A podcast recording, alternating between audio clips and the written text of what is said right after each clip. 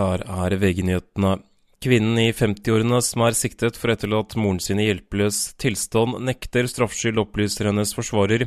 Moren i 80-årene ble i går kveld funnet død i en leilighet i Trondheim. Politiet ser på dødsfallet som mistenkelig pga. funn i leiligheten.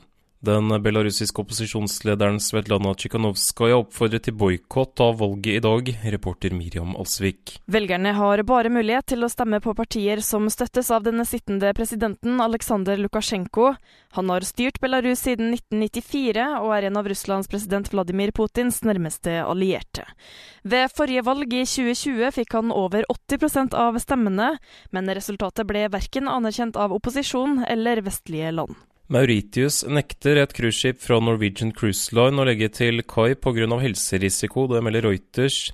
Hva slags helserisiko det er snakk om, er ikke kjent, men ifølge nyhetsbyrået skal om lag 15 passasjerer være testet og satt i isolasjon. En utenlandsk sjåfør som forårsaket en ulykke på yachten ved Honnekleivtunnelen i Holmestrand i ettermiddag, blåste 2,4 i promille. Det opplyser politiet. To kjøretøy var involvert i ulykken, men ingen ble alvorlig skadet. I studio André Ødeby, nyhetene for alltid på VG.